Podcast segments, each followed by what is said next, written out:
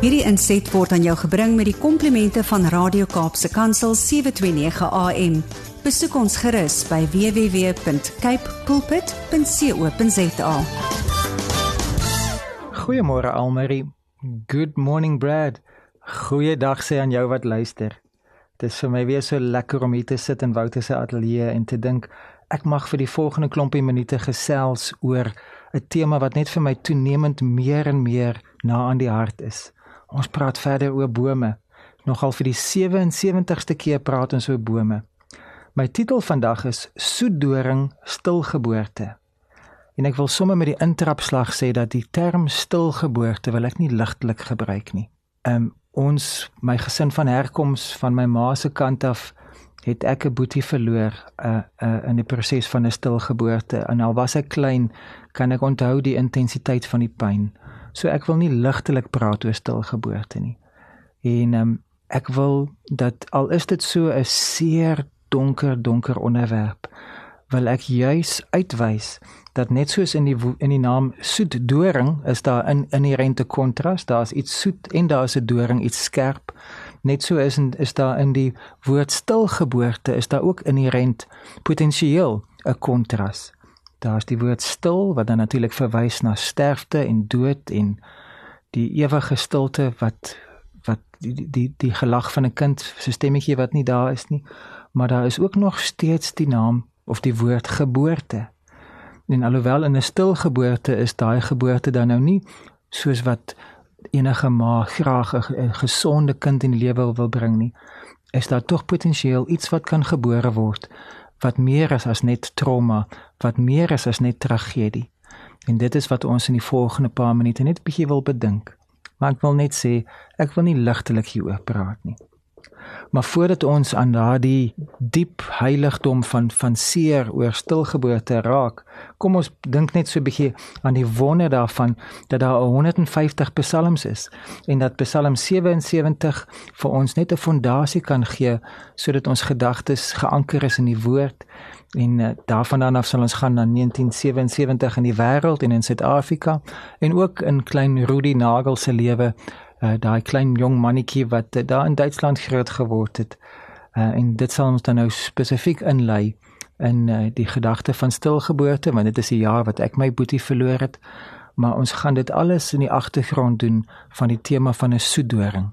En ek hoop dat ons 'n paar soet gedagtes so tussen die doring sal kry. Psalm 77 terwyl van tyd lees ek net verse 13 en vers 21 uit die 2020 vertaling. Ek sal oor al u werke mymerend prewel. Oor u handelinge wil ek nadink. Sela. U het deur die hand van Moses en Aaron u volk soos klein vee gelei. Kom ek lees weer, weer vers 13 en vers 21. Ek sal oor al u werke mymerend prewel. Oor u handelinge wil ek nadink. Sela. Vers 21. U het deur die hand van Moses en Aaron u volk soos klein vee gelei. Ag wat 'n wonder dat ons net kan weet dat die Here so groot. I would uh, encourage you to also read the psalm in English, whether it's the NIV or the New King James or the Passion or the Message translation. Make sure that you get the full depth of the intention and the meaning of this beautiful psalm. Maar terwyl van tyd, kom ons spring gou-gou uh op 'n timeline en ons kyk wat het in die jaar 1977 op die wêreldtoneel gebeur. Star Wars opens in cinemas. The first Apple II computers go on sale. The TV miniseries Roots is aired for the first time. Elvis Presley dies at the age of 42. New York City blackout lasts for 25 hours. Hierdie het in 1977 gebeur en is aangeteken as as 'n um, noteworthy as nuuswaardig. Nou ons het amper al uh, rolling blackouts vir die afgelope 16, miskien selfs 17 jaar. So ons load shedding sal hopelik ook in die geskiedenisboeke aangeteken word want dit is heel wat meer as wat New York City ooit kon beleef het. So gepraat van ons load shedding in 1977 in South Africa A British Formula One driver, Tom Price, dies during the South African Grand Prix at Kyalami when his car strikes and kills Marshal Frederik Jansen van Vuren. oh, die dae toe die die Grand Prix nog in Kyalami aangebied is, die dae van Formule 1 in pla, plaaslike grond, maar ook die dae voordat van hierdie beste veiligheidsmaatreëls in plek gekom het. Nou as gevolg van hierdie en ander ongelukke is die veiligheid geweldig opgeskerp en 'n uh, uh, sterfte by die Grand Prix is genadiglik deesdae 'n baie um, uitsonderlike geval. Daar is natuurlik nog baie stampe en stote en ongelukke, maar die veiligheidsfaktor maak dat daar selde iemand is wat sy lewe verloor. Puck Botha, South Africa's ambassador in the United States of America, is appointed as the Minister of Foreign Affairs. A whites only general election is held. The National Party wins. Ons gaan nie vas staan by die politieke implikasies van dit alles nie. Maar um, buitekant die land nog steeds as 'n Suid-Afrikaner maar op Duitse grond was in 1977 'n klein Rudi Nagel daarso in Bonbad Godesberg in die dorpie Finksel 9 jaar oud. My boetie ehm um, was so amper amper 6 en ons het die goeie tyding by ons ouers gekry dat my ma weer verwag en uh, die swangerskap het mooi geloop. Dinge was op tyd, dinge was in plek. Alhoewel daar in daai tyd nog nie in Duitsland sonars beskikbaar was nie, was die dokters tevrede geweest en het vrou Nagel het goed gevorder en en tot in die derde trimester het dinge mooi geloop. Uh my ma het met groot afwagting 'n babakamer gereed gemaak as ek reg onthou was alles geel want omdat daar nie sonars was nie het ons nie geweet of ons 'n boetie of 'n sussie verwag nie. So dit was nie pink of blou geweest nie, dit was 'n lekker neutrale geel met 'n met 'n krip en 'n 'n plekkie waar die doeke omgeruil kan word met baba kleertjies en met groot afwagting en groot verwagting was my ma, ma verwagtend en swanger. Maar net mooi en ek dink omtrent die laaste 10 dae net so voordat sy voltermyn was, net so voor die verwagte dag van geboorte, het my ma baie besorgd vir my pa gevra om haar hospitaal toe te vat. Want klein babatjie met binnekant was net stil. En enige verwagtende ma weet dat selfs al skop hulle nie gereeld nie, selfs al skop hulle nie hard nie, hulle is bewus van lewe binne in haar en hulle en uh, ma se baarmoeder was stil. Stil. Stil die ehm um, feit dat daar nie ultrasound dat dat daar nie ehm um, die vermoë was om te kan waarneem of daar hartklopie is nie het natuurlik nie die dokters gekeer om met die die nodige hulle het met stetoskope geluister en daar was geen hartklop gewees nie. En 'n baie 'n strak maar tog baie besorgde Duitse dokter het vir my ma gesê vrou Nagel Es tut mir leid. Ihr Kind ist tot. Mevrou Nagel, dit ek is jammer. Die kind is dood. En um, dit was 'n tyding wat geen ma wil hoor nie. Dit was 'n tyding wat wat natuurlik soos 'n skok oor haar kom. En um, ek het nie om omdat my ma nou in Desember oorlede is, kon ek nou nie hierdie feite met haar lekker bespreek nie. Ons het eintlik min daaroor gepraat want 'n uh, ma praat nie maklik oor oor so sulke dinge nie en ook ons was op daai stadium so jonk gewees. So um, ek kan redelik seker sê hulle het nie 'n keisersnee gedoen nie, hulle het hulle die geboorte geïndiseer. En al daai kontraksies, al daai pyn, al daai smart wat 'n geboorte uh, behels wat gewoonlik dan so produktief is en wat dan met die oomblik van as jy die kindjie in jou arms vashou, uh, alles die moeite werd was was in in ma se geval het dit het daai pyn net gelei tot groter pyn want daar was 'n lijk wat uitgekom het. Nie 'n lewendige klein skreeuende klein babatjie nie.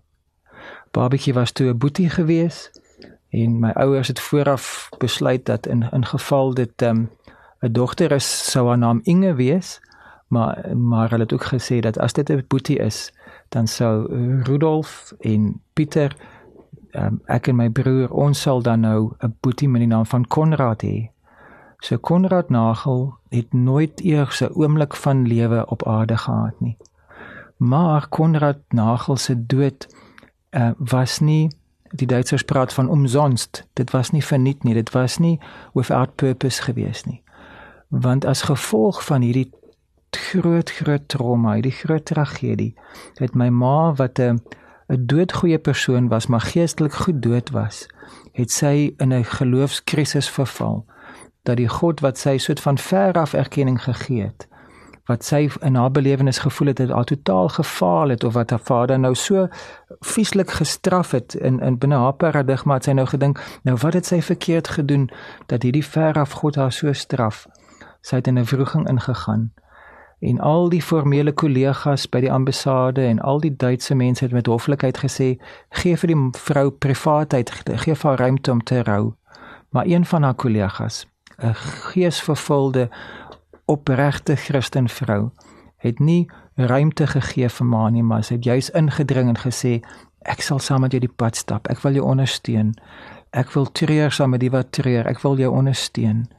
En hierdie opregte vrou se opregte omgee het nie net vir my ma vertroos nie, maar dit het ook gemaak dat my ma by die Here uitgekom het. Uit stilgeboorte het wedergeboorte plaasgevind. My ma se gees is wedergebore. Sy het nie net 'n um, 'n godsdienstige persoon geword nie, sy het 'n wedergebore oortuigde Christen geword. En oor die maande wat kom, kon my pa, my broer en ek duidelik sien dat hierdie verpletterde vrou wat in depressie en in, in neerslagtigheid en in wroging was, het berusting begin kry dit was nie 'n maklike pad nie, dit was nie 'n kits oplossing nie. Dinge was nie net oornag happy go lucky gewees nie. Maar sy het werklik berusting gekry. 'n Diep innerlike vrede het haar begin troos. Die kind sou nooit terug kan kom nie, die kind sou nooit daar wees nie. Maar in die plek van die kind was daar 'n ander lewe in haar binneste, nie in haar baarmoeder nie, maar in haar gees was sy lewendig. Hierdie ervaring van my en die feit dat ek dit so eerstehands kon sien, dit was nie iets wat ek gelees het of gehoor het of wat soos 'n vertelling aan my vertel is nie iets dit is iets wat ek eerstehands beleef het. Uh laat my dink aan die inherente kontras wat daar is in die woord soet doring. Want die doring van 'n feit dat 'n boetie nie gebore is nie, die skerp pyn daarvan het tog 'n soet einde gehad. Van deur my ma se wedergeboorte het my pa, my broer en ek ook by die Here uitgekom en die feit dat ek vandag myself in genade 'n gelowige kan noem, iemand wat 'n volgeling van Jesus Christus is, het direk sy oorsprong in die feit dat my ma by die Here uitgekom het en 'n oortuigende uh, wedergeboorte beleef het. Nou soet doring, die soet daarvan Ehm um, as mens net letterlik na die na na 'n soet doringboom buitekant gaan kyk, dan is dit 'n immergroen doringboom spesies wat algemeen in Suidelike Afrika aangetref word. Ek haal gou-gou aan uit die Afrikaanse Wikipedia. Die spesies is inheems aan Angola, Botswana, Eswatini, Lesotho, Malawi, Mosambiek, Namibië, Zambië en Zimbabwe. Dis ook lokaal gevestig in Noord-Afrika, Europa en Asië en is 'n indringerplant in Australië.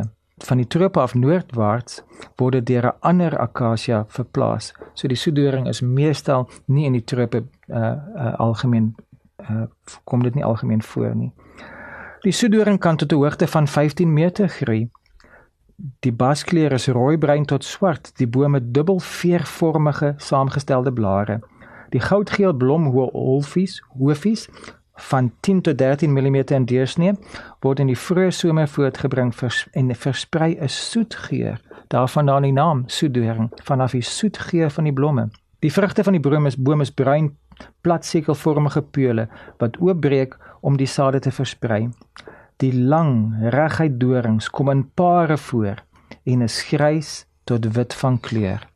Nou dit is daardie soet geur van die blomme en dan daai wit dubbelvormige dorings. Wie wie weet nie hoe seer dit is as jy net in een van daai soedoring dorings trap nie. Jy kan dit nie ignoreer nie. En of jy nou vandag in 'n soedoring doring letterlik getrap het en of jy die pyn van stilgeboorte beleef het en of daar iets anders is wat gesterf het in jou lewe. Die woord soedoring het doring en soet in. Die skerpheid van pyn, maar ook die die aangename geur van 'n soet aroma.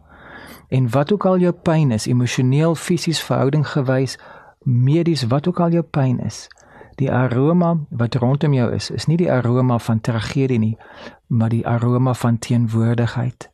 Dat die Here sê, ek sal jou nooit begewe of verlaat nie. Ek gaan jou nie alleen los in hierdie donker oomblik nie. En ek wil nie sê dat in elke ehm um, donker trauma dit so wonderlik gaan uitdraai soos in ons geval waar ons hele gesin tot bekering gekom het nie, maar dat daar wel die potensiaal is vir God om dinge ten goeie te laat meenwerk, is gebaseer op die belofte van sy woord en God kan nie lieg nie. As jy hom toelaat, kan selfs die diepste donker doringwond in jou lewe kan omdraai en daar kan 'n soet geur van God se teenwoordigheid inkom. Al word die omstandighede nooit beter nie, kan die innerlike toestand van jou hart beter word deur sy teenwoordigheid. Kom ons praat met die een wat die soet, maar ook die dorings eerstehands geken het. Die een wat 'n doringkroon gedra het op, op pad na die kruis toe, wat se se soet uh dood vir ons lewe gebring het. Vir hom was dit alles behalwe soet, vir hom was dit absolute pyniging, maar vir ons it brought sweet salvation. Kom ons praat met die lewende God. Here, dankie dat te midde van die lewe se dorings, te midde van die lewe se dorings, is daar die wete dat u soet teenwoordigheid ons nooit sal verlaat nie. In Jesus naam. Amen. Hierdie inset was aan jou gebring met die komplimente van Radio Kaapse Kansel 729 AM. Besoek ons gerus by www.cape pulpit.co.za.